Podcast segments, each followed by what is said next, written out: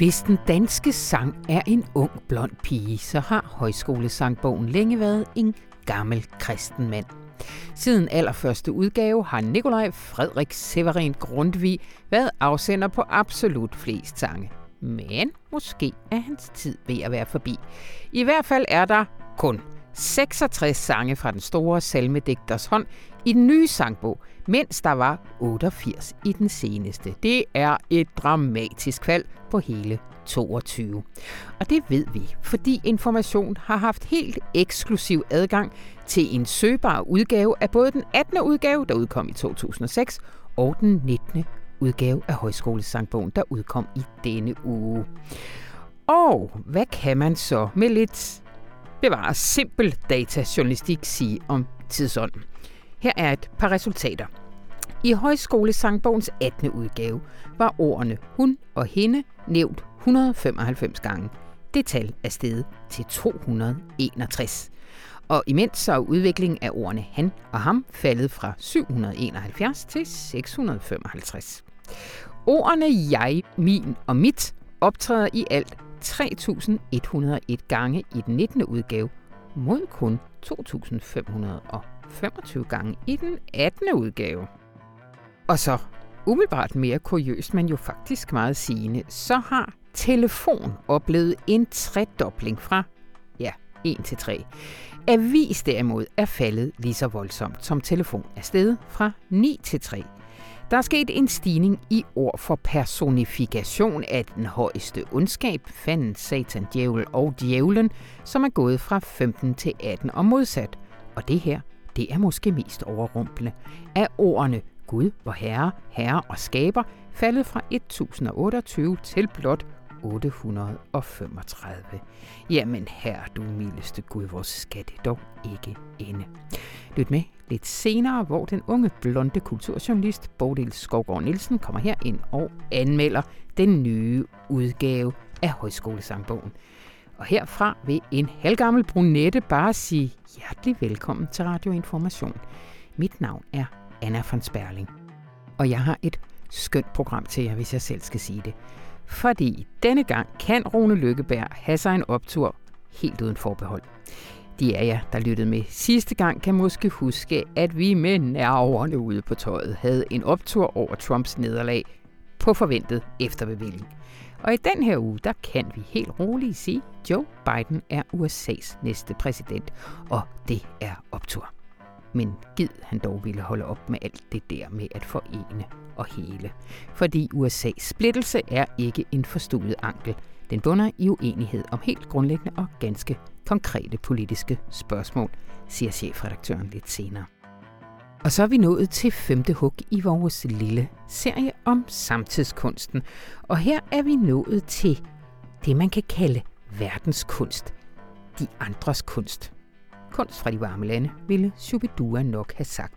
Den kunst, der indtil for ganske nylig ikke blev set så meget som sådan æstetisk, kunstkritisk interessant, men mere af sådan antropologisk eller etnografisk interesse, og som derfor også fandt plads på øh, de etnologiske museer og ikke så meget på kunstmuseerne.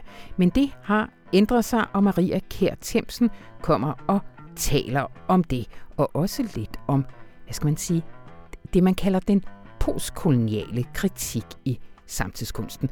Jeg skal lige sige, at det var optaget før der var nogle kunststuderende, der smed en byste i havnen. Så I ikke sidder og savner det. Til gengæld kan I gå ind på information.dk og læse Maria Kær Temsens anmeldelse af den kunstperformance. Men allerførst skal vi tale om mink, og hvem bedre end vores helt egen ekspert i ulovlige instrukser, indlandsredaktør Anton Geist. Velkommen til.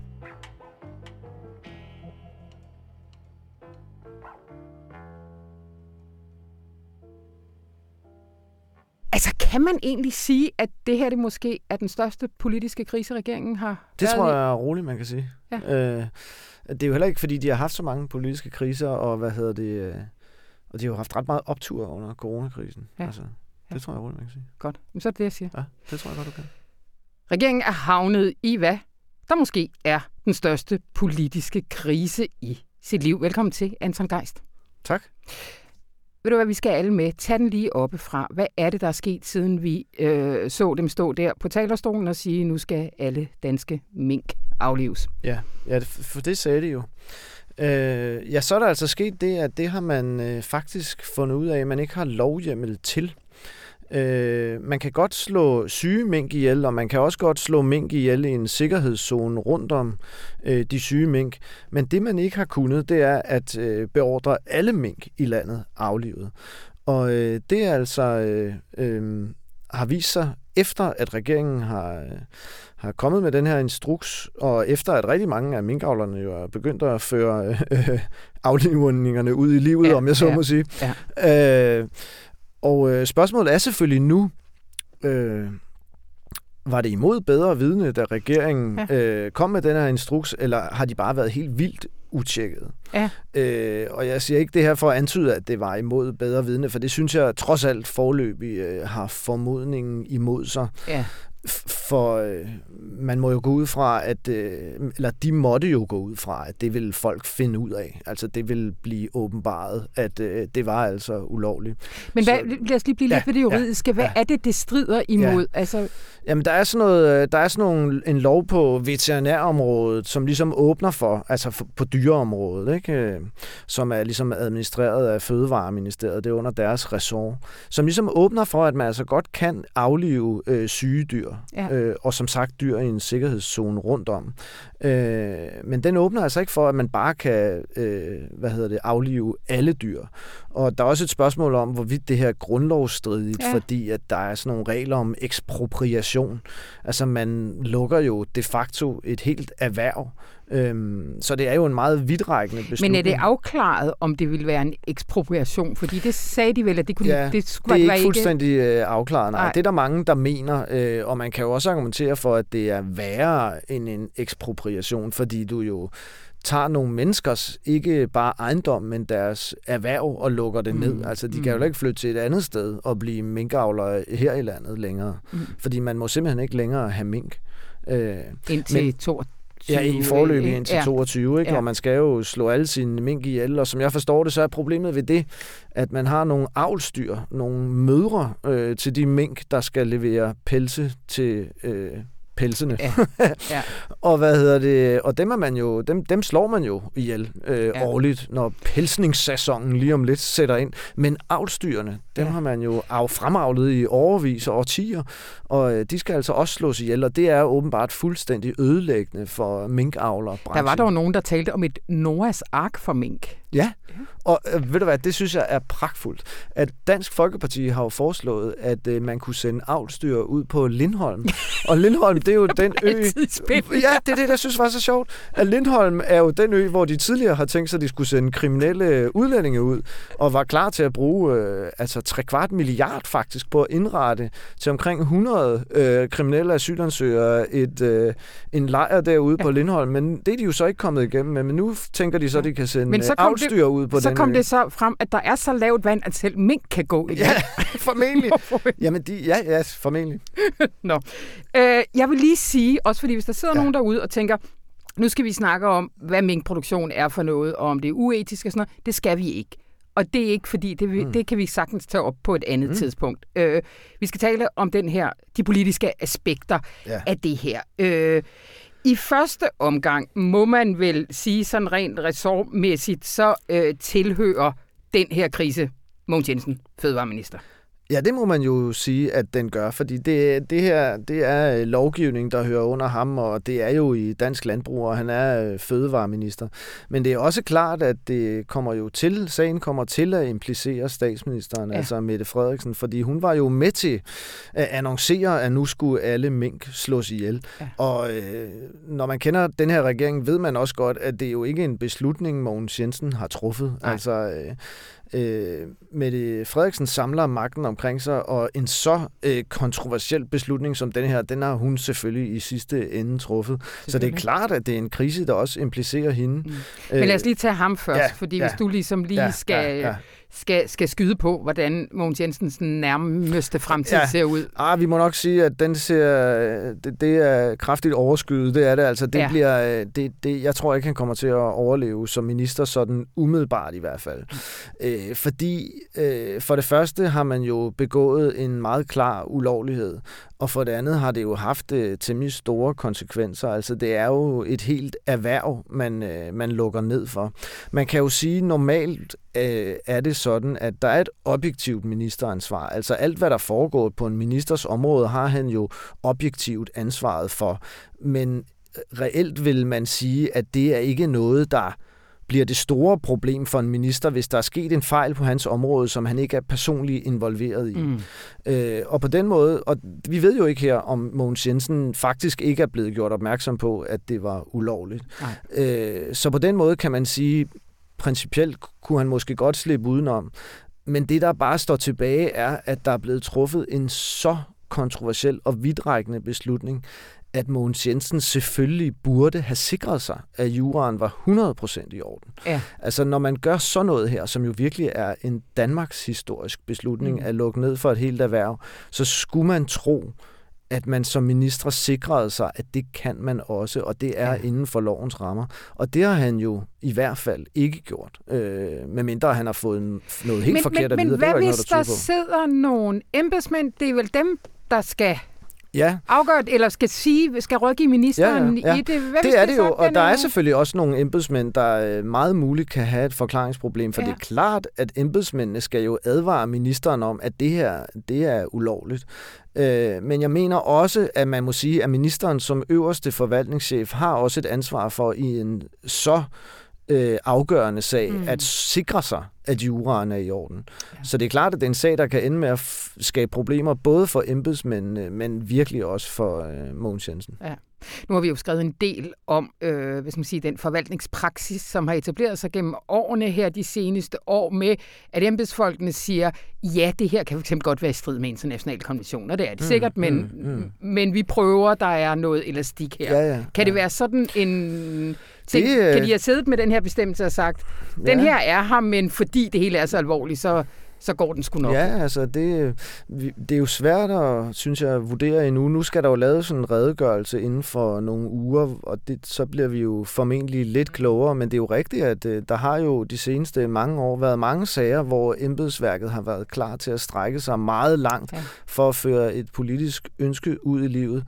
Men jeg synes alligevel, man må sige her, at det, man har foretaget sig her, det er så åbenlyst øh, lovstridigt. Mm. Og det er der heller ikke rigtig nogen, der argumenterer for, at det ikke var. Heller ikke Mogens Jensen, og heller ikke Mette Frederiksen. Alle er sådan set med på, at det, der er sket, det var ja. entydigt ulovligt. Ja. Og det, det synes jeg ikke umiddelbart peger i retning af, at embedsværket har deltaget i at bøje juraen på en måde, som man godt ville kunne sige, at det kunne godt siges mm. at være inden for lovens rammer. Mm. Sådan ser det ikke umiddelbart nej, ud, nej. synes jeg. Øh, rent politisk har han heller ikke så mange venner, Mogens Jensen, lige nu, fordi det, der er også lidt baggrund for det, fordi øh, på den ene side så er oppositionen, øh, og det kan de jo... Åh, oh, der tabte jeg lige en kuglepind. jeg gestikuleret. øh, oppositionen har, øh, har, har, øh, har deres grunde til, til at kræve hans afgang, men han har heller ikke så meget støtte blandt støttepartierne, øh, som længe har været utilfreds. Ja, ja præcis. Altså, øh, og det øh, bliver jo nu hans store problem. For sagen er, at Mogens Jensen har omvendt lidt af denne her sag faktisk været ret tilbageholdende med at reagere på advarslerne fra sundhedsmyndighederne. Og han har heller ikke været særlig god til at holde støttepartierne orienteret om, hvad mm. han som minister fik at vide. Øh, ret langt hen ad vejen har han jo tilladt, øh, øh, at man fortsatte med at drive minkavl, også i de områder, som var ramt af corona. og ret sent, må man nok sige, forlod han den her idé med, at man godt kunne opretholde øh, minkavl, også selv steder, hvor der var corona. Det var ret sent, han valgte at sige, at nu skal man slå alle mink ihjel, der er syge, og alle inden for en øh, radius på omkring øh, små 8 km mm. inden for de her farme. Og det har øh, støttepartierne været meget kritiske over for i forvejen. Øh, og nu kan man så sige, at han jo omvendt til synligheden er gået lidt for langt i forhold til at øh, slå ned på de her mink. Øh, og øh, der kan man også sige, at støttepartierne kan jo måske få vanskeligt ved med troværdigheden i behold, så ikke også i det tilfælde at øh, slå ned på mm. det, han har foretaget sig. Og jeg tror også, man kan sige, at den baserende sag om Inger Støjbergs ulovlige instruks om adskillelse af asylpar også kan komme til at spille en rolle, fordi selvom det er to vidt forskellige sager, så har enhedslisten i særdeleshed jo været sådan førende i deres kritik af Inger Støjberg for en ulovlig instruks. Mm. Og hvis de så ikke også mener, at man skal slå hårdt ned på en socialdemokratisk minister, der har udstedt en ulovlig mm. instruks, øh, så kan de udsætte sig selv for en hel del kritik, og det tror jeg gerne, de vil undgå. Mm. Øh, vi var lige kort, du var lige kort inde på det. Lad os lige tage hurtigt med det, Frederiksen. Det her med, hvad hun vidste og hvornår og sådan noget. Hvad, hvad, hvad, ja. hvad, hvad ved vi om det? Eller? Jamen, vi ved forløbig af Mette Frederiksen. Altså, det var om onsdagen, at øh, hun sammen med Mogens Jensen annoncerede, at nu skulle man øh, slå alle de her mink øh, ihjel. Og øh, søndag er hun så angiveligt øh, blevet gjort opmærksom på, at det var der slet ikke lov, lovhjemmel til. Øh, så der er jo gået nogle dage. Øh, det er det, vi ved. Øh, og det, man jo kan undre sig over, er jo ligesom med Mogens Jensen, hvorfor har Mette Frederiksen ikke sikret sig, at juraen var 100% i orden? Øh, og man kan også undre sig, fordi Mette Frederiksen jo har en meget, meget kompetent jurist øh, som departementchef, Barbara Bertelsen, der kommer fra Justitsministeriet, hvor hun var departementchef. Altså en dygtig juridisk mm. hjerne. Og det virker sådan udefra Og som har været helt central i hele corona. Fuldstændig, øh, fuldstændig central, lige præcis. Fuldstændig central. Ikke? Det er underligt, synes jeg, mm. at, at Barbara Bertelsen ikke har spurgt eller tænkt, er juraen fuldstændig i orden her, men vi ved jo ikke helt, hvad der er foregået. Vi ved ikke, om hun har haft grund til at antage, at det havde de 100% styr på over i Fødevareministeriets departement, og det havde de så bare ikke. Men altså, det er grundlæggende et problem for Mette Frederiksen, at hun ikke har sikret sig at juraen var i orden, før hun tog et så kontroversielt skridt mm. som det her. Ikke? Der er jo kommentatorer, der peger på, at det her med, de skal udskrive valg. Tror du, tror du på den? Nej, det tror jeg ikke på. Mm. Det, det synes jeg virker overdrevet. Altså, øh, jeg tror, øh, jeg tror, at Mogens Jensen meget vel øh, kan ryge som minister. Øh, og egentlig var det måske heller ikke det helt rigtige øh, ministerium for Mogens Jensen, har jeg tænkt nogle gange. Altså, det er også for øvrigt et lidt besynderligt ministerium. Mm. Han er jo ministerium for fiskeri og landbrug og ligestilling, og det er sådan en underlig rodebunke, han har haft der, og manden ville jo bare gerne have været kulturminister. Yeah. Altså, og det var nok lidt synd, at man ikke øh, gav ham lov til at blive øh, kulturminister, fordi måske hænger det her også sammen med, at han simpelthen ikke har det store overblik på det her område. Det ville måske nogen... heller ikke være stolt for kulturen, hvis det var den måde, det var. Men det, det er en anden diskussion. Ja, undskyld. Det er, også, det er sådan rigtig... Ja. Det tænker vi på indlandsredaktionen. ja. Han kunne sgu da have taget kultur, der kan man ikke lave de store ulykker. Nej, det var ikke det, jeg mente. Jeg ved, du kærer dig. Du er ja. jo gammel kulturjournalist, ja, det er sandt. Geist. det er sandt. Ja. Øhm, Anton, før jeg slipper dig, så kunne jeg godt tænke mig, at vi lige også vente en anden aktør i alt det her. Kåre Mølbak, faglig direktør i Statens Serum Institut. Vi har torsdag en historie om, at han lidt ændrer øh, ståsted i hele ja. sagen om den her muterede ja. minkmutation. Øh, om minkmutationen. Ja. Øh, hvad, hvad, hvad er det for en historie? Ja, det er noget lidt øh, kompliceret noget, men altså... Øh, det, det, der er sket i Serum Instituttet, er jo, at man bliver opmærksom på, at der er noget, som hedder, de kalder Cluster 5, som altså er den her særlig muterede minkvariant af mm. corona, som har nogle ændringer øh, i spike-proteinet, som det hedder, som gør, at den er mindre måske modtagelig over for vacciner. Det har været bekymringen i Serum Instituttet. Øhm, og der øh, er Kåre Mølbak har så været ude at sige, i forbindelse med, at regeringen annoncerede denne her øh, nedlukning jo de facto af øh, erhvervet, at der var rigtig meget grund til at være bekymret og Nordjylland. over... Ja, ja, præcis. Ja. Undskyld, ja, og ja. Nordjylland. At der var rigtig meget grund til at være bekymret over denne her kloster 5. Og han sagde også, at øh, man måtte formode, at omkring 4-5 procent af de mennesker, der er smittet med corona i Nordjylland, de måtte have denne her kloster 5. Det var ligesom Serum Instituttets bedste vurdering. Øh, og Nordjylland blev øh, af den grund lukket ned, simpelthen. Ikke? Øh, specifikt med den begrundelse, at der var den her kloster 5. Og det, der så er lidt særpræget, det er, at Kåre Mølbak så her øh, under en uge efter, så har været ude i politikken og forklare, at øh, han synes måske, der er lidt rigelig fokus på den her kloster 5, og øh, i virkeligheden så er det mere det, at der generelt spreder sig coronasmitte fra minkfarmene, som er problemet, og ikke så meget kloster 5. Og, og han, det vil ikke komme bag på ham, siger han, hvis kloster 5 øh, simpelthen er uddød i Nordjylland. Mm. Og det ser jo lidt underligt ud, at han her under en uge efter, han sagde, at 5% af de relativt mange nordjyder, der er smittet med coronasmitte, havde kloster 5, så siger, at, øh, at den måske er uddød. Mm. Øh, og det ser også lidt underligt ud, at øh, Serum Instituttet pludselig øh, ligesom siger, at det er politikerne, og det er alle mulige andre, der interesserer sig for kloster 5. Øh, og for os har det ikke været så afgørende, fordi sådan så det altså ud for en uges tid siden. Og det er måske det er lidt svært ikke at lægge mistanken fra sig om, at Kåre Mølbak reagerer lidt på, at en hel masse eksperter, udenlandske og danske eksperter, mm. siger, at den der kloster 5, den ser altså ikke så alvorlig ud. Øhm, øh, og så er det altså, han siger, øh, nej, men det er heller ikke kun kloster 5, der var problemet. Det var også bare den generelle smittespredning. Så det er sådan lidt en, en uheldig situation, han er havnet i der, måske Kåre Mølbak. Jeg synes så personligt, at det er rigtig ærgerligt, at Kåre Mølbak og Serum Instituttet ikke vil forklare sig i offentligheden, fordi mm. som vi har det problem simpelthen, synes jeg, på avisen og i medierne generelt, at Serum Instituttet er rigtig dårlige til at tale med pressen ja. og betjene pressen. Vi har jo alle sammen forståelse for, at de har mega travlt. Det giver jo 100% mening. Men, øh, men de skaber også noget øh, forvirring og mistillid og så videre ude i offentligheden. Mm. Og det får de ikke rigtig korrigeret, fordi de forklarer sig ikke. Så vi, det kan jo være, at Kåre Mølbak har en god forklaring på det her. Og jeg den vil vi jo rigtig gerne høre. Jeg kom til at tænke på, da jeg, da jeg læste jeres analyse, at altså, er der ikke også muligheden for, at de her embedsfolk, eller undskyld, øh, videnskabs... Hvad hedder de? De her fagfolk, ja, forskere, ja, ja. forskere ja. er under et kolossalt politisk pres. Jo. Altså, jo, jo, jo, jo. Altså, hun, altså, han kommer mere på scenen, ja. de vil lukke ja, ja. Nordjylland ned, de vil nedlægge et erhverv. Den beslutning er lavet politisk. Ja. Altså, hvordan i himlens navn skulle han næsten kunne sige andet. Eller... Ja, ja, men det er rigtigt. Det er selvfølgelig rigtigt. Omvendt kan man sige, at øh, når man ser sådan i de papirer, vi har haft mulighed for at få agtindsigt i, så er de også ret klare i deres øh, advarsler til politikerne. Ja. Altså man kan sige, at Serum Instituttet gør meget klart, at der er en øh, potentiel voldsom trussel mod folkesundheden, og, og at det ligefrem kan få pandemisk potentiale, ja. det der foregår op i Nordjylland osv. Så, videre. så, så, så omvendt må man også sige, at de har selv kommet med en så alarmistisk advarsel, så regeringen ja. bliver nødt til at reagere. Så jeg er ikke helt sikker på, at det gør sig gældende lige her. Mm. Men det, jeg tror, man kan sige, er, at det er jo nogle folk, som er vant til at arbejde med evidens, og som er vant til ikke at sige noget, før de er 100% sikre.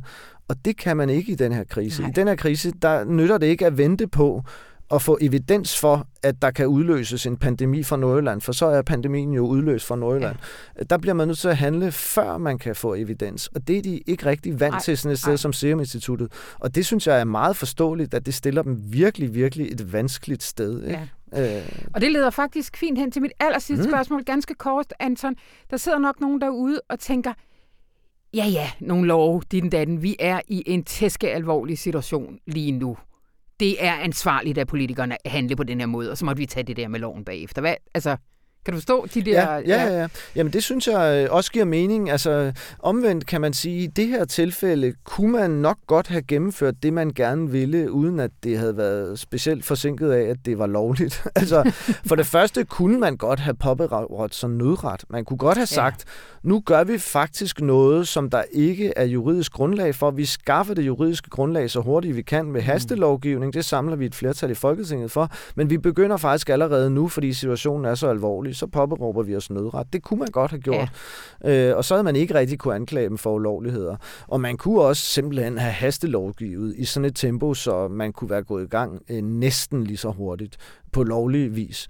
Så, øh, så, så jeg synes, lige i det her tilfælde, der er det oplagt et, øh, der er det simpelthen ikke helt godt, at de og ikke de ville jo heller ikke stå politisk så prekært, hvis de faktisk havde givet sig tid til at få Folketinget med, vel? Nej, nej, og jeg altså, forstår det, jo, det simpelthen det ikke. Simpelthen... Jeg undrer mig over, øh, at de gerne vil være så enrådige, som ja. de vil, fordi det er jo selvfølgelig så længe det går godt i Danmark med bekæmpelsen af corona, så har det jo været fedt for, øh, hvad hedder det, Mette Frederiksen at være corona commander in chief, som vores ja. politiske kommentator Lars Trier har døbt hende.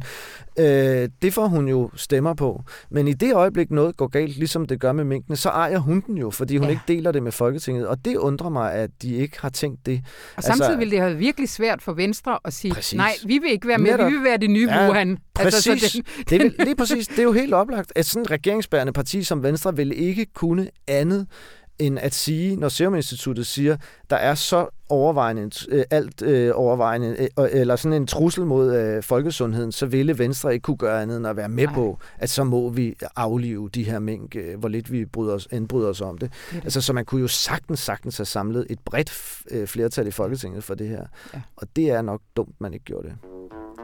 Anton Geis, tusind tak. Selv tak.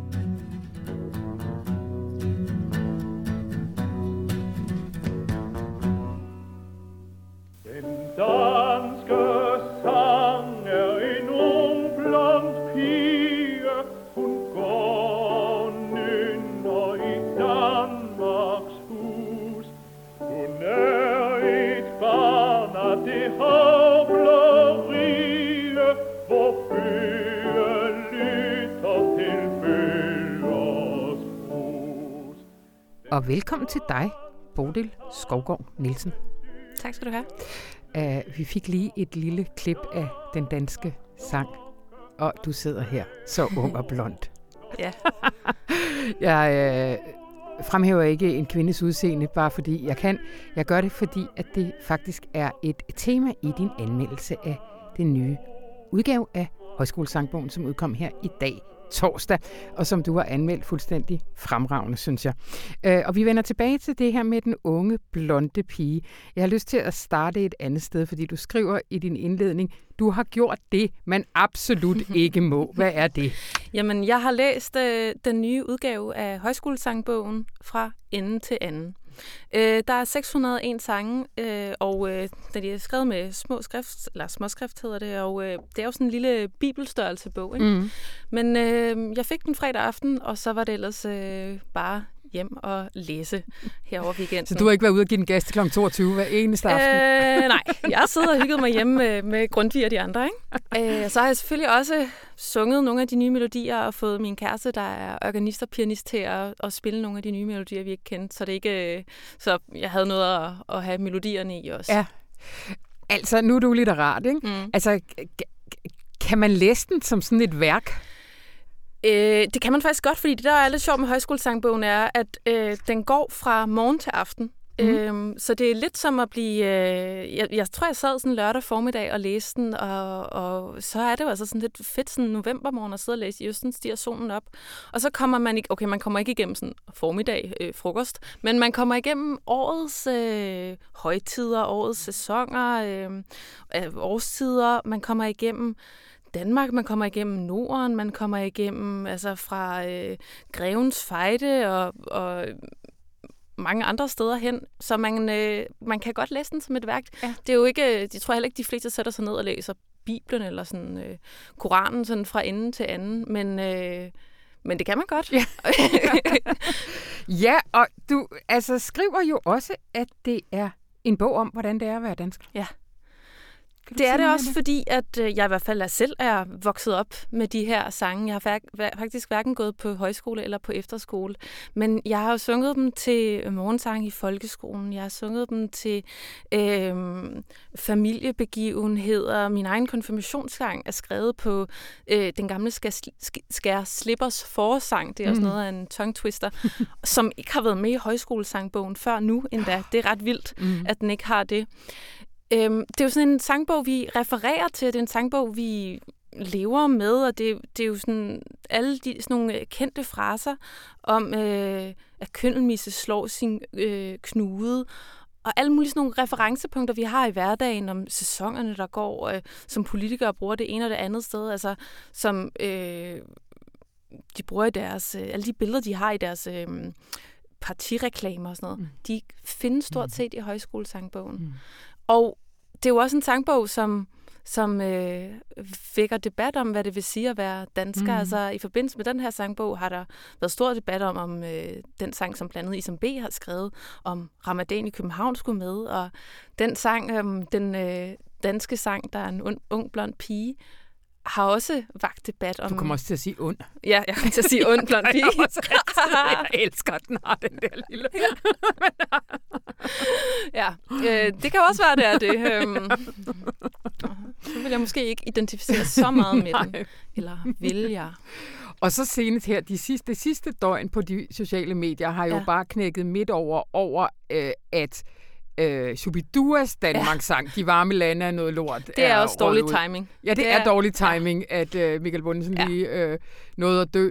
Ja. Men, men er jo også virkelig sigende for alt det, der bliver læst ind i den, ja. altså at, at nu ja. er den, den almindelige opfattelse, at den er røget ud, fordi det er politisk ukorrekt at sige, at de varme lande er noget lort. Det er så ikke det, som holdet bag ja. bogen siger. De siger, var den der tre gange, så var det en klassiker, det synes ja. vi ikke, den har format til. Og det synes jeg er en absolut fin betragtning, at den ikke er med. Deres øh, melodi til, til midsommervise er stadigvæk med. Og det tror jeg faktisk er den, de fleste synger, selvom øh, jeg foretrækker den der gamle, der skifter tempo tre gange og går helt vildt højt op, og som der, som der ikke er nogen, der kan synge ved bålet. Så, så Shubiduas, det, det er jo den, folk synger og, synger og kan synge, så, så øh, de har da vist fået noget med i klassikerbogen alligevel. Det er jo det. Og så kunne de jo ikke lige tage højde for, at han desværre døde. Nej, er Van Valborg ikke med? Nej, nej, nej. Anne Linnet har jo ikke været med før den her udgave. Nej, det, er det er altså vildt, ikke? Ja. Så jeg synes, vi også godt lige kan vente lidt med Valen Valborg, hvis vi, vi har fået tre Anne Linnet-sange nu. Jamen, jeg er så rystet. Jeg må ja. gå nu. Men ja. øh, vi har fået tre Anne Linnet-sange. Ja. du, vi er lige tilbage til, ja. øh, til, hvad du synes er, er, er godt, at vi har fået med. Ja. Men den danske sang er en ond blond pige. Du skriver, når du sidder og læser den, så har du det som om, at det ja. er en bog, der besynger dig. Ja, og det er faktisk ret vildt, fordi når man så læser den der fra ende til anden, det var sådan lidt en, en kvalm oplevelse, for der er så mange, især de gamle sange, som er kanoniseret, som handler om, at øh, Danmark sådan ligger og er parat til, at man skal bestige bakkerne.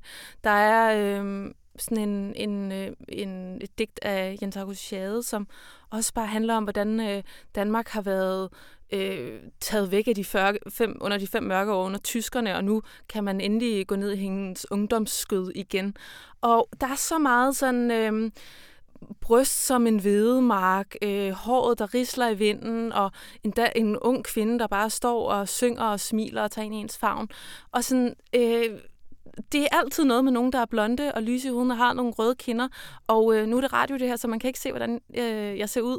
Men det er bare ja, det kan sådan jeg så mig. bekræfte. Ja. ja. ja. Og, øh, og der er sådan noget lidt Altså, hvorfor, hvorfor står hun bare der, den der danske pige, og laver ingenting, øhm, og bare venter på, at der kommer nogle digter, og synes, hun er vildt lækker. ja. jeg, jeg har det også sådan, hvorfor siger hun ikke nej tak, eller hvorfor synes den danske pige ikke er mændene også er lækre? Vi har ja. da øh, sådan, haft seksuel frigørelse herhjemme ja. og sådan noget. Og den lige taler sidder... enormt meget sådan, om, hvordan jeg ser ud. Ja. Det er virkelig svært ikke at faktisk lægge mærke ja. til det. Og lige før der sidder nogen derude og bliver ja. hissige, så vil jeg gerne lige understrege, du siger ikke, at de sange skal ud. Nej. Du siger, at den revision, der sker år efter år, ja. burde have mere blik for ja. at få nogle nye kvindebilleder ja. eller begærsobjekter. Ja, eller... helt sikkert. Fordi at jeg synes faktisk, at den danske sang er Det er en vidunderlig melodi af Karl øh, Nielsen, mm. og Kai Hoffmanns digt er ret eminent. De, øh, og sådan, jeg tror også, jeg nævner i min anmeldelse Johannes V. Jensens øh, Hvor smiler fag og den danske kyst, mm. som også er sådan et øh, Kvinde Danmark-spillet. De er skide gode. Mm. Øhm, det er nogle, de, de, altså, de spiller på, øh, på rim og metrik, og melodierne er, er altså, folkeminder, som er helt groet ind i vores DNA. Øh, og de må absolut gerne være der. Men jeg får også sådan en lyst til, at der man godt kunne følge lidt med tiden. Ja. Øh, fordi der har der unægteligt været nogen, der har skrevet om noget lidt andet siden øh, 1920. Det må man sige. Du ja. har faktisk et konkret bud. Du synes, at uh, Trille skulle ind. Ja, Trille ja. er med med en sang, et Danmarks billede, øh, men jeg synes også, at hendes øh, øjet, som hvis faktisk ikke er skrevet af hende, men som hun jo er kendt for, ja. den skulle være med. Og det er altså den her om, øh, at ham Gud, han er eddermame svær at få smidt ud. Ja. øhm, Præcis. Ja. Og det øh, vidner resten af store dele af bogen om, at han er, men ja. det ville være fint, hvis der var en dialog der. Hvis der var en der. lille dialog der. øhm, men der er en hel masse øh, nye sange, der er kommet ind, og også øh, af ny dansk øh, lyrik og Ja. sådan noget. Ja. Ja. Kan du ikke sige lidt om det, fordi det var nyt Jo. for mig. Øhm, der er, dels er der nogle af, af vores sådan, kendteste nyere digtere, der er kommet lidt med, altså blandt andet Tove Ditlevsen og Inger Christensen, ret fint repræsenteret med nye melodier. Men øhm, der er også nogle af de øh, store digtere, vi har nu, altså blandt andet Naja Marie Eit, Mhm. mm. som vist lige har vundet det Danske Akademis øh, store pris, der har et enormt fint øh, kort sovdigt med, som der også er sat en fin, meget sådan rolig melodi til. Og øh, jeg tror, min yndlings må være Ursula Anker Olsens Velfærdsstødedansen, som er sådan en sådan helt fantastisk øh, folkevise egentlig om... Øh, om konkurrencestaten, øh, og som har sådan den der folkevise, skillingsvise øh, omkvæd, hvor man skal synge sådan noget, øh, hvordan er den der, sådan noget, hey, ja, de kunne ikke klare øh, velfærdsdansen, nu skal jeg ikke øh, forsøge mig med, øh, det er ikke øh, sanktioneret her. Men den er, den er, den rimer, og den er sjov, og den er sådan mytologisk, og sådan øh, fuldstændig øh, nede på borgerservice samtidig. Ja. Og den er, den er virkelig sådan sjov og spids. Ja. Og det skal sangen også kunne rumme øh, og være. Altså det, øh, vi har allerede sådan sangen om Larsen, altså Mm. ham her, for hvem det skulle være så godt, men så er det faktisk skidt Ja. i, i bogen. Og den er bare sådan en vidunderlig udvikling af det, og som også peger helt tilbage på Ebbe Skammelsen og... Øh, øh, hvad hedder de ellers, øh, Roselille og hendes moder, alle de der Mm. gamle folkeviser. Mm, mm. Så det er sådan et vidunderligt eksempel på, hvordan man øh, kan skrive øh, ny lyrik, som fanger tidsånden, som er noget af det, højskolesangbogen kan. Mm. men også som, øh, som så tydeligt er i, i dialog med noget af det, det gamle, og så samtidig ja. har Ursula Anker Olsen sådan helt særlige præg. Og så er der kommet noget god pop med. Ja. Fordi det har vi før også øh, kritiseret den Mm. gamle for, at der har simpelthen ikke siddet nogen, der har haft ører for Ja. god pop. Og det er måske også grunden til, at der er noget Ja. ud. Men der er virkelig nogen, øh, blandt andet siger du, der er blevet gjort op med den, øh, hvad, hvad, du har en god formulering, øh, mangel på, den, den et eller andet mangel på Anne Linnet. Øh, ja, den håbløse mangel Den på håbløse mangel på ja, Anne Linnet. Ja, og øh, Kim Larsens Jutland, det er, Ja. er også med. Ja, ja. Men Den har altså, Ja, ja, alle jo sunget i folkeskolen Ja. og klappet i hænderne. Det må man sige. Ja. Men en forårsvise... Er det Forårsvise den- med- og Barndommens Gade og ja. Smuk og Dejlig er med. Ja. Hvilket jo er fedt. Ja. Øh, jeg kan ikke huske, om der egentlig er så mange andre popsange med. Nå, men helt nye popsange, for eksempel øh, Frit Land. Ja. øh, Ja, det er rigtigt. Som jo Øh, bare første gang, man hørte den, havde man det sådan, Ja. den er her for at blive. Det er den her sang af Carl Emil Petersen, som, øh, som man kender fra, fra bandet Ulige Numre. Ja. Der har skrevet den her ret vidunderlige, egentlig også en ret folket øh, frit land, som både har sådan en, en melodi, som hverken går for højt op eller ned, som vi alle sammen kan synge med på, men som også er et ret fedt digt i sig selv, og som gør noget, der i virkeligheden er øh, også er meget dansk, synes jeg. Den er nemlig sådan lidt, øh, lidt utilfreds med danskheden. Ja, Øh, eller den kan i hvert fald læses sådan. Den kan også læses som sådan en nationalromantisk fejring Ja. af Danmark for danskerne. Og det er Ja. faktisk det, der er så vildt med den, at den, den kan begge dele. Ja. At man sidder og faktisk ikke er helt klar over, hvad den mener, når den, øh, når den siger frit land, frit for os selv. Ja. Øhm, Ja. Og når man sidder og synger det. Øhm, vi skal til at, at runde af. Øhm, men øh, du siger, du skriver, at det er så fantastisk, når den bliver revideret, for det er en mm. Måde, vi ligesom kan forhandle om det at være. Mm. dansker, og den, den skal sige noget om tidsånden og sådan noget, men du siger også, at den kan blive lidt for tidsåndelig. Blandt andet tænker du, der er en overrepræsentation den her gang af sange om genforening. Ja. Fordi nu rammer det lige et jubilæumsår. Det øh, er der virkelig også. Øhm, jeg tror, nu, nu skal jeg lige øh, være sikker, nu må jeg hellere lige slå op, men jeg har sådan en fornemmelse af, at det afsnit, der hedder Historien, det bare slutter med genforeningen. hvor jeg har det sådan lidt, ja, men det, det er jo også fedt. Altså, ja, det er det, den gør. Øhm, Godt. ja, så går den over fra historien og så til bibelhistorien. Men okay. Det nyeste, de følger ligesom sådan nogle kronologiske oversigter, Ja. ja. de der, det der historieafsnit, og den slutter altså med sådan en vindersang om, om genforeningen. Det var der De er, altid. de er nyskrevne måske sådan noget, men synes, der er også sket lidt siden da, ikke? Lige et par ting. Ja. Ja. Øh, det er, det er, der bliver faktisk skrevet nogle, øh, især Pia Jules øh, genforeningssang er ret eminent, men jeg får sådan lidt, okay, det er måske ikke det, der primært opleves som det, der er definerende for Nej. det at være dansk i dag. Øhm, nu får du lov til, Ja. det, det er sjældent, man får lov til at ønske et nummer her i Radioinformation, Uh. og det bliver også helt vildt kort, fordi det koster for meget kroner penge at gøre det hele. Men hvis vi skal slutte af med et, Ja. Øhm, så kunne jeg faktisk godt tænke mig, at vi skulle øh, høre et af Stine Pilgaards numre, som Ja. der er sat nye melodier til, og som øh, jeg tror bliver, øh, bliver nogle hits. og som er ret fantastisk, fordi det faktisk optræder i hendes roman. Lige øh, præcis. Meter, i sekundet. Ja. Øhm, og øh, måske faktisk ikke øh, den, jeg nævner i artiklen, men den, der hedder Fortabt er jeg stadig. For den har, jeg tror, hun hedder Katrine Move Indevoldsen, skrevet en rigtig fin melodi til. Jeg er næsten ved at tro, at vi har hørt den før, da vi snakkede om uh, Ja, bogen. det kan godt være. Ja. Den er i hvert fald god. Så det er altså bliver radioinformation klassiker. øh, her kommer Fortabt er jeg stadig, og tusind tak til dig, Bodil Skovgaard Nielsen. Ja, tak fordi jeg måtte komme.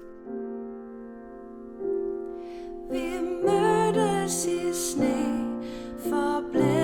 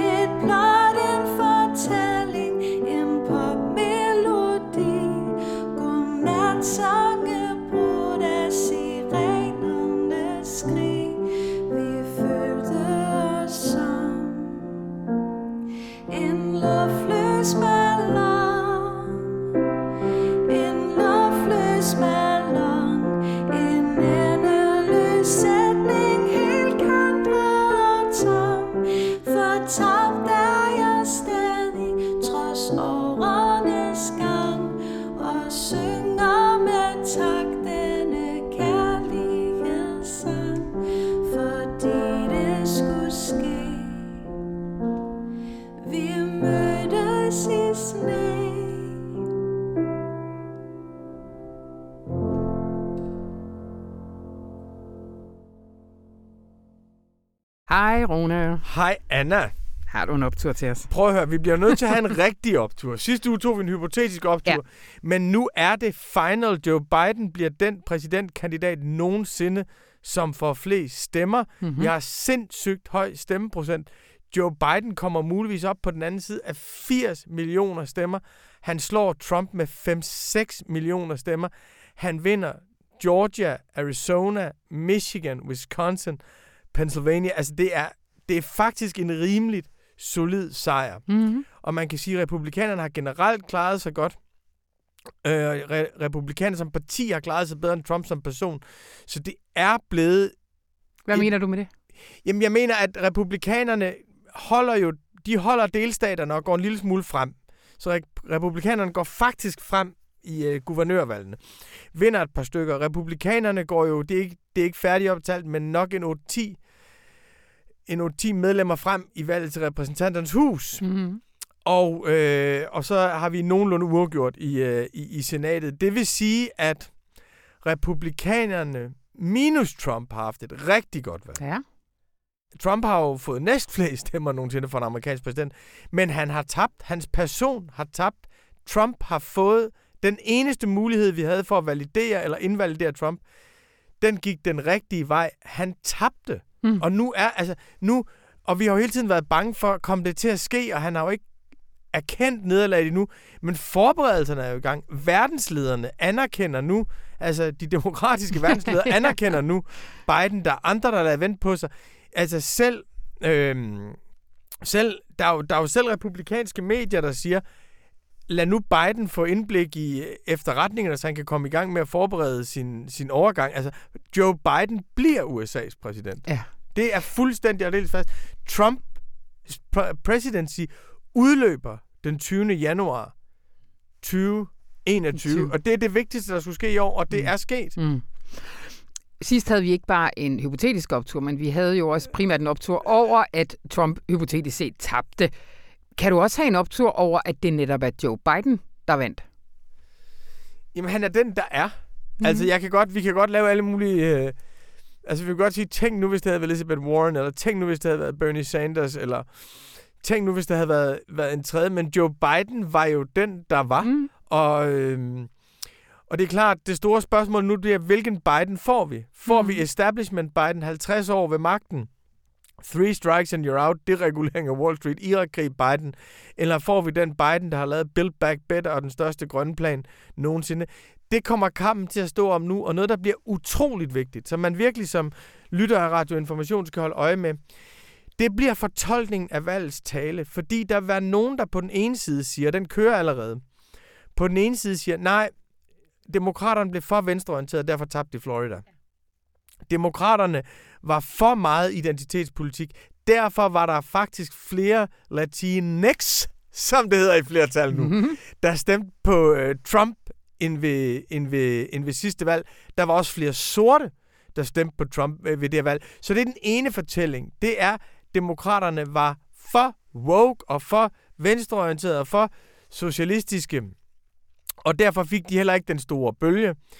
Den anden fortælling er, det her var et valg, som handlede om at begejstre flest muligt, og få flest muligt ud at stemme. Der var ikke særlig mange, der blev overbevist, men der var sindssygt mange, der kom ud at, at stemme. Og hvis du ser på Kenosha udenfor, for, for, for Milwaukee, som demokraterne vandt, så er det et sted, hvor der kom rigtig mange ud at stemme. Og grunden til, at der kom så mange demokrater ud at stemme, det var, at der var begejstring og bevægelse. Det var blandt andet Black Lives Matter, der var med til at drive det frem. Og begejstringen og bevægelsen har ligget i demokraternes venstrefløj. Så mm. nogen vil sige, det her handlede om turnout, det handlede om begejstring. Alt det kom fra venstrefløjen. Derfor skylder Joe Biden venstrefløjen sin sejr. Andre vil sige, at han bliver nødt til at tage afstand fra venstrefløjen nu, fordi ellers går alting galt ved Ja. midtvejsvalget lige om lidt. Det er det, det, det, det, det, det Ja. afgørende slagsmål i det demokratiske parti, og du kan se Alexandria Ocasio-Cortez og Ayanna Presley og andre unge Mm. mm. progressive er, jo- er, er nu ude at sige, at vi er hele tiden mødt modstand fra, fra toppen i Demokraternes parti, samtidig med, at du siger andre i det demokratiske parti, der siger, at øh, Alexandria Ocasio-Cortez er farlig for, for, øh, for, for, for partiet. Det bliver det store mm. slagsmål. Mm. Nu har jeg set en del CNN her på det sidste, ikke? og sådan nogle, sådan nogle pæne CNN-demokrater, de lyder jo næsten som om, de hæpper på, at demokraterne ikke får senatet. Simpelthen for, at det vil være bedst for Joe Biden, hvis han ikke kommer i sådan en klemme mellem venstrefløjen og, øh, og republikanerne. Altså, at, at, at, er, det, er det drømmen for mange sådan pæne, pæne mennesker derovre, at vi bare får sådan fire år, hvor at, at han sidder og siger, I will unite, øh, og så sker der ikke en skid? Altså for det første vil jeg sige, det der med Unite og Heal the Wounded, det kan jeg simpelthen ikke holde ud. For, nej, fordi det, det er ligesom, der er sådan noget med, det er som om, at at et sundt læge har været ramt af en sygdom, og nu skal Dr. Biden komme, og så skal han kurere sygdommen. Og når han bare lige har lagt hånden på vores pande, så forsvinder sygdommen, og så bliver vi alle sammen raske, og så er vi united bagefter. Mm. USA er splittet, Mm. fordi der er nogle radikale politiske modsætninger i det land. Fordi der er nogle kampe mellem, jamen skal du blive ved med at pumpe den sidste olie op af jorden? Skal du blive ved med at fragge i Pennsylvania? Eller skal du stille om til grønne energiformer, så du ikke brænder planeten af? Det er en virkelig eksisterende modsætning. Den bliver ikke healet af Joe Bidens hånd på, øh, på panden. Der er nogen, der synes, at, man skal, at det er en menneskeret at gå med AR-15 øh, halvautomatiske rifler, og der er andre, der synes, at det, at der er så mange af de våben i befolkningen, det slår dem ihjel. Mm. Så, så der er virkelig eksisterende mm. konflikter, og det er rigtigt, de har et stort problem med, at de ikke deler virkelighed i USA. Men, men for mig at se, så den bedste måde at heal the nation på, det er at lave noget politik, der løser deres problemer mm. og peger fremad. Og det er for eksempel at hæve minimumslønnen til 15 dollars. Det er der opbakning til. Selv i Florida, hvor, som stemte antidemokratisk, der vedtog de i folkeafstemning at hæve minimumslønnen til, til, til 15 dollars. Hvis det lykkes Joe Biden at lave en grøn omstilling, som giver mening for arbejderpladsen, klassen, som skaber industrijobs, det tror jeg langt mere på. Altså overbevise gennem politiske projekter og ting, som faktisk løfter Trumps vælgere, gør deres liv nemmere og gør deres liv bedre. Det, det er den slags, der kan bringe et land der kan bringe et land frem. Er det ikke alt det der psykoterapeutiske pis med at heal the wounded? Det kan jeg, jeg, kan, jeg kan slet ikke være i min krop over det. Og sagen er, at hvis man skal derhen, Mm. hvis man skal lave rigtig politik, så skal man have senatet. Mhm. Altså, Mhm. det, Mhm. så, så, skal, det skal du, ellers så bliver det bare executive order. Øh, og vi er jo modstandere af, at stærke mænd skal regere verden oppefra. Så, så, så jeg, for mig, nej, det er redselsfuldt med divided government. Redselsfuldt. Mm. Hvis du derimod har 50-50 i senatet, som der er en mulighed for, hvis demokraterne vinder begge sæder i Georgia i, i januar, så, og så vil det jo så være Kamala Harris stemme, der bliver udslagsgivende, så får du noget, hvor du kan lave nogle ting, hvor Biden kan, kan vise god vilje over for, demokrat, mm. for republikanerne og sige, prøv at høre, I får det og det med, så har du ligesom politikhånd, hvor du kan foreslå noget, og så lave nogle kompromiser der. Og det mener jeg, det vil kunne skabe bred opbakning omkring nogle af de meget store strukturelle reformer, som skal til. Optur. Optur! Tusind tak, Rune Lykkeberg. Selv tak.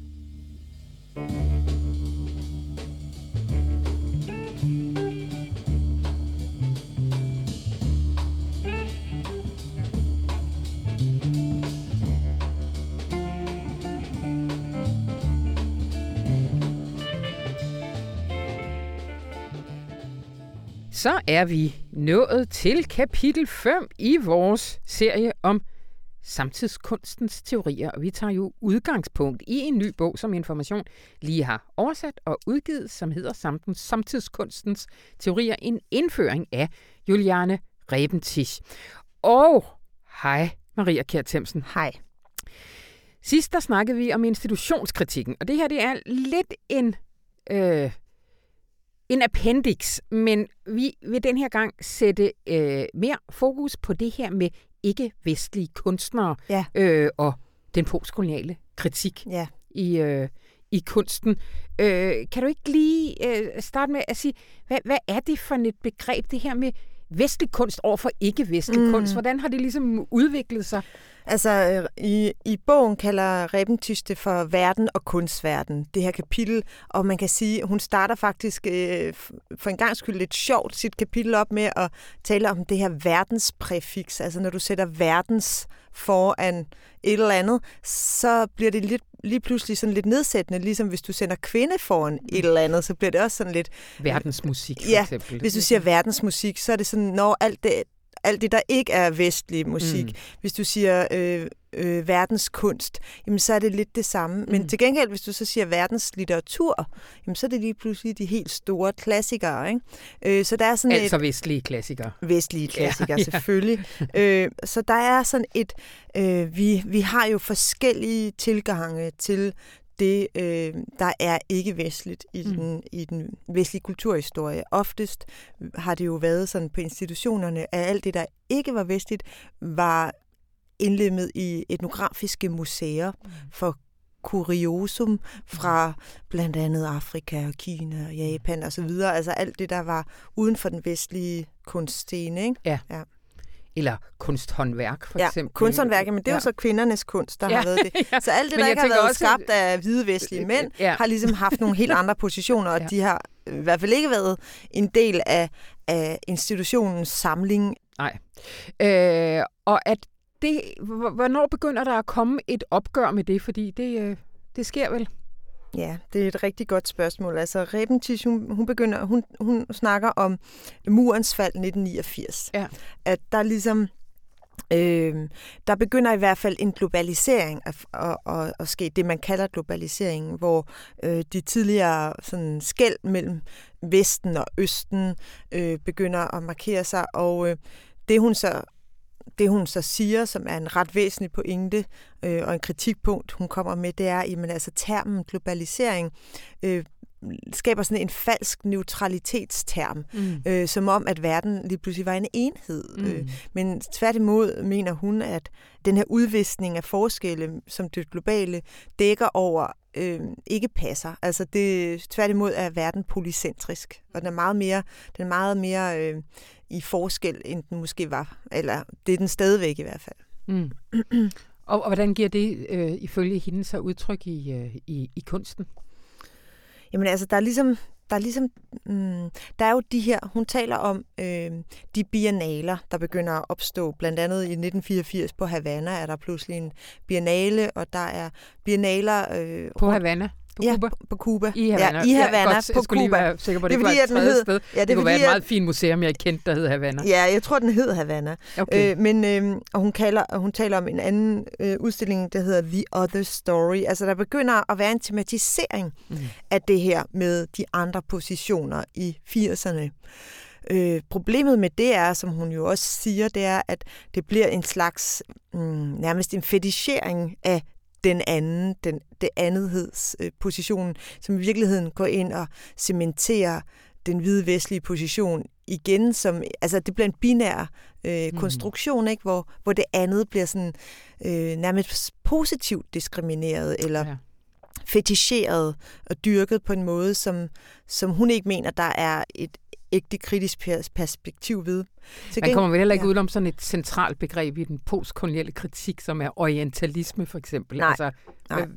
Et, det er en teoretiker, der hedder Edvard Said, Mhm. der, der introducerede det øh, begreb. Ikke? Altså der, hvor man ligesom begynder at ja, alt det øh, fra de øh, fremmede varme lande, som bliver sådan en eksotisering af, Ja. det, af, det, af det andet, øh, og øh, hvor man ligesom kan drysse sådan lidt et streg for det eksotiske ind i sin udstilling, og så på den måde have sit, sit på det tørre. Og, og det er problematisk, Mm. øh, og det er i stigende grad problematisk i dag, og øh, gøre det på den måde, og det øh, har Reben Tisch et meget skarpt blik for. mm, mm. Hun nævner blandt andet, øh, hvordan det, at der er opstået sådan en, en global diskursfære med dokumentaudstillingerne helt tilbage fra øh, 90'erne faktisk, hvor, hvor man kan sige, det Med begynder... dokumenter, Silje. Documenta er øh, den vigtigste kunstbegivenhed øh, i verden, Mm. som foregår i Kassel hver femte år, og øh, har en meget, meget stærk udsigelsesposition. Det er der, man, man kan analysere, hvor er vi lige nu på kunstscenen, hvad er det for nogle emner, der, er, der optager kunstnerne, hvad er det for øh, nogle politiske diskussioner, kuratorerne ligesom øh, har, sætter på dagsordenen. Så man kan altid sådan bruge dokumenter som et afsæt for en meget større øh, kunstpolitisk analyse. Ja. Og der var det særligt med Uruguay Invesas øh, Documenta 11, at det her med øh, de andre positioner blev indlemmet i en grad, hvor det ikke bare var som et, som et øh, eksotisk andet, men som en, en, altså en væsentlig del af udstillingen som sådan. Og hvem, hvornår er det, og hvem er han? Så Uruguay Invesa var en, øh, en sort øh, kurator, øh, en af de få, man har set på den globale kunstscene, som øh, øh, har haft en enorm indflydelse. Han lavede øh, Documenta 11, var kunstnerisk leder af Documenta 11 i 2002. Ja. Og han er desværre, han døde desværre sidste år i kraft, men han har haft en enorm indflydelse på at, at, at skabe øh, ikke bare udstillinger, men i det hele taget en positionering af, af de stemmer, som ikke har været indlemmet i, altså indtil nærmest for nylig, når man ser det i et, et, et større perspektiv. Ikke? Jeg kan huske, at jeg mødte engang en, øh, en indisk øh, øh, øh, fotokunstner, som sagde, at hun var holdt op med at sige ja til at deltage i øh, udstillinger i Europa. Hun havde det sådan, hvis hun sendte et billede af et projekt, hvor hun var forelsket i sin kæreste, så sagde de, ah, kan vi ikke lige få nogle flere rickshaws, eller fattige mm. børn, eller mm. et eller andet. Altså, og det hun Mm. mm. sagde, det var, det er som om, den vestlige kunstner får lov til at beskæftige sig med livets store spørgsmål Mm. mm. om eksistens og kærlighed mm. Og død og sådan noget. Mm. Vi skal beskæftige os med sociale spørgsmål, eller male noget virkelig farverigt. Ja. Sådan koloristisk, folkloristisk. Øh, Det er, det er et stort problem, det der med, at man skal på en eller anden måde leve op til en forestilling, som altid allerede er der på forhånd. Ja. Og hvis du ikke gør det, jamen så...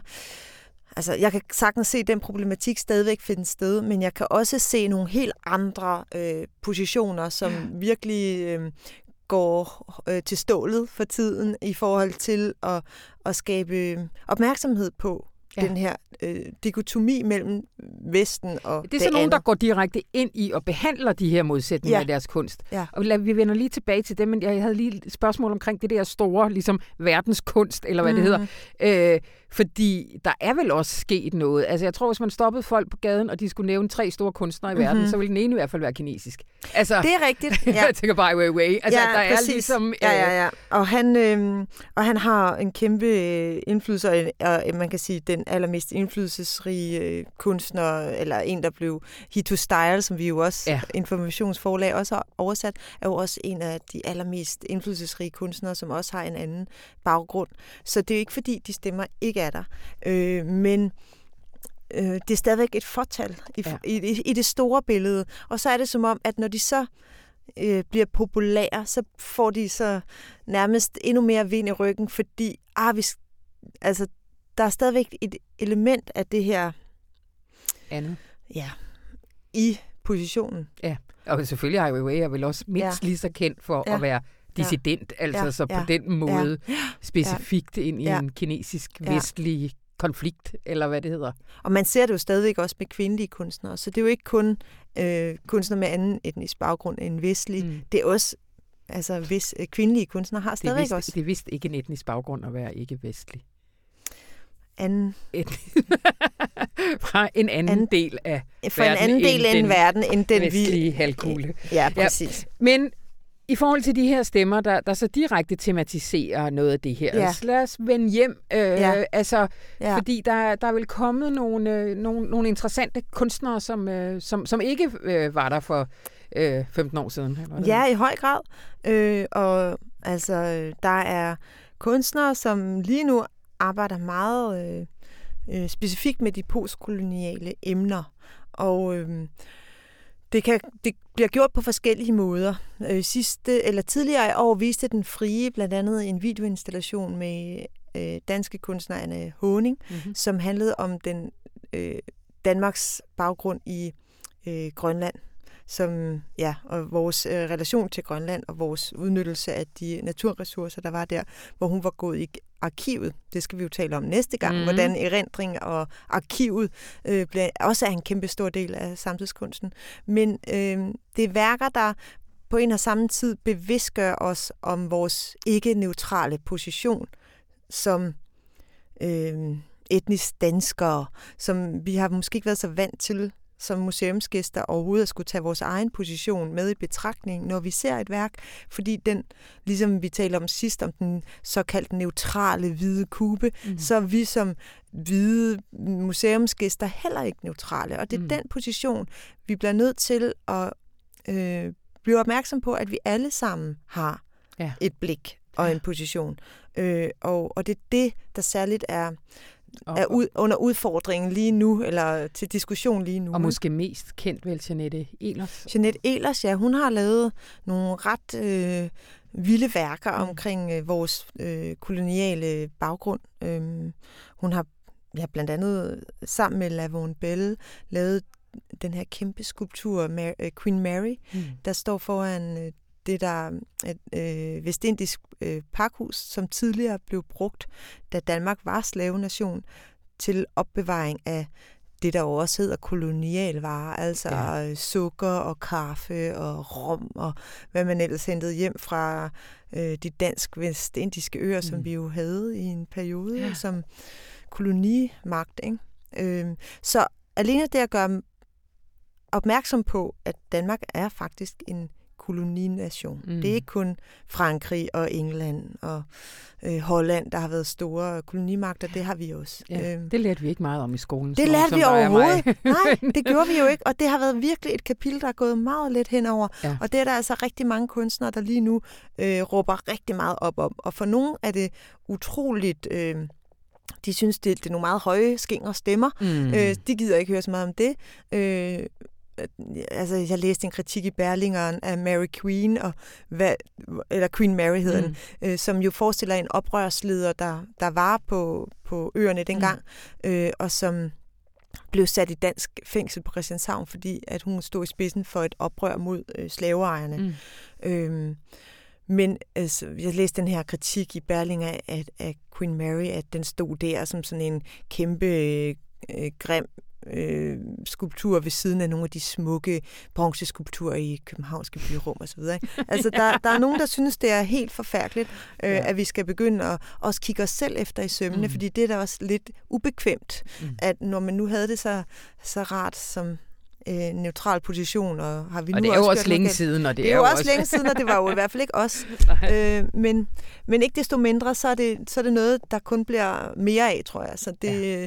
så det handler om at, at lytte øh, Ja. og slå ørerne ud, mm. Og så øh, være enormt... Øh, Men stadigvæk kræver det god kunst. det kræver, at det er god kunst, ja. det er klart, fordi der er også nogle positioner, som øh, bare giver fuckfingre Mm. øh, til, til alle andre positioner og synes, at øh, ja, som, som, man ikke, som ikke er så konstruktivt, kan man sige.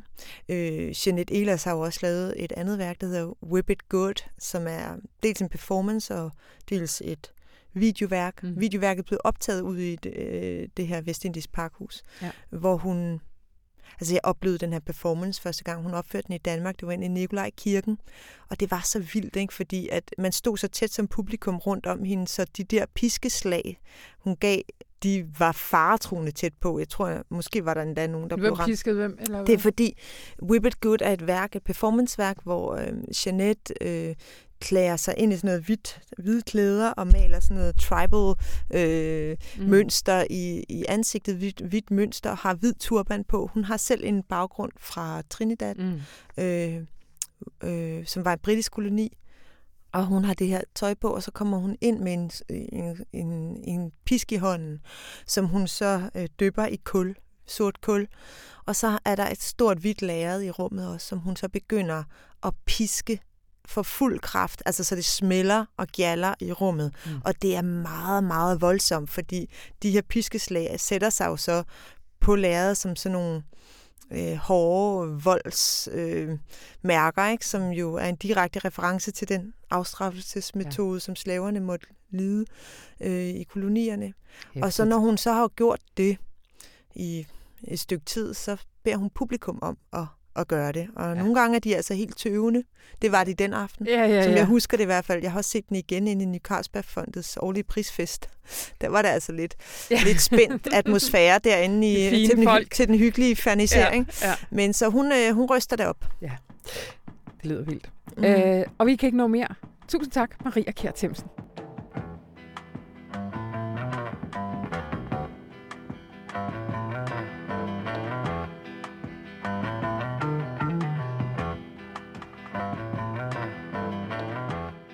Og det var alt, hvad vi havde til jer for denne omgang, men gå ind på information.dk og læs meget mere. Blandt andet er der en masse tal om udviklingen i Højskolesangbogen. Uh, mit navn det er Anna von Sperling, og det her program det var klippet og gjort så lækkert af Anne Pilegaard Petersen. Og så ønsker jeg dig en rigtig dejlig weekend.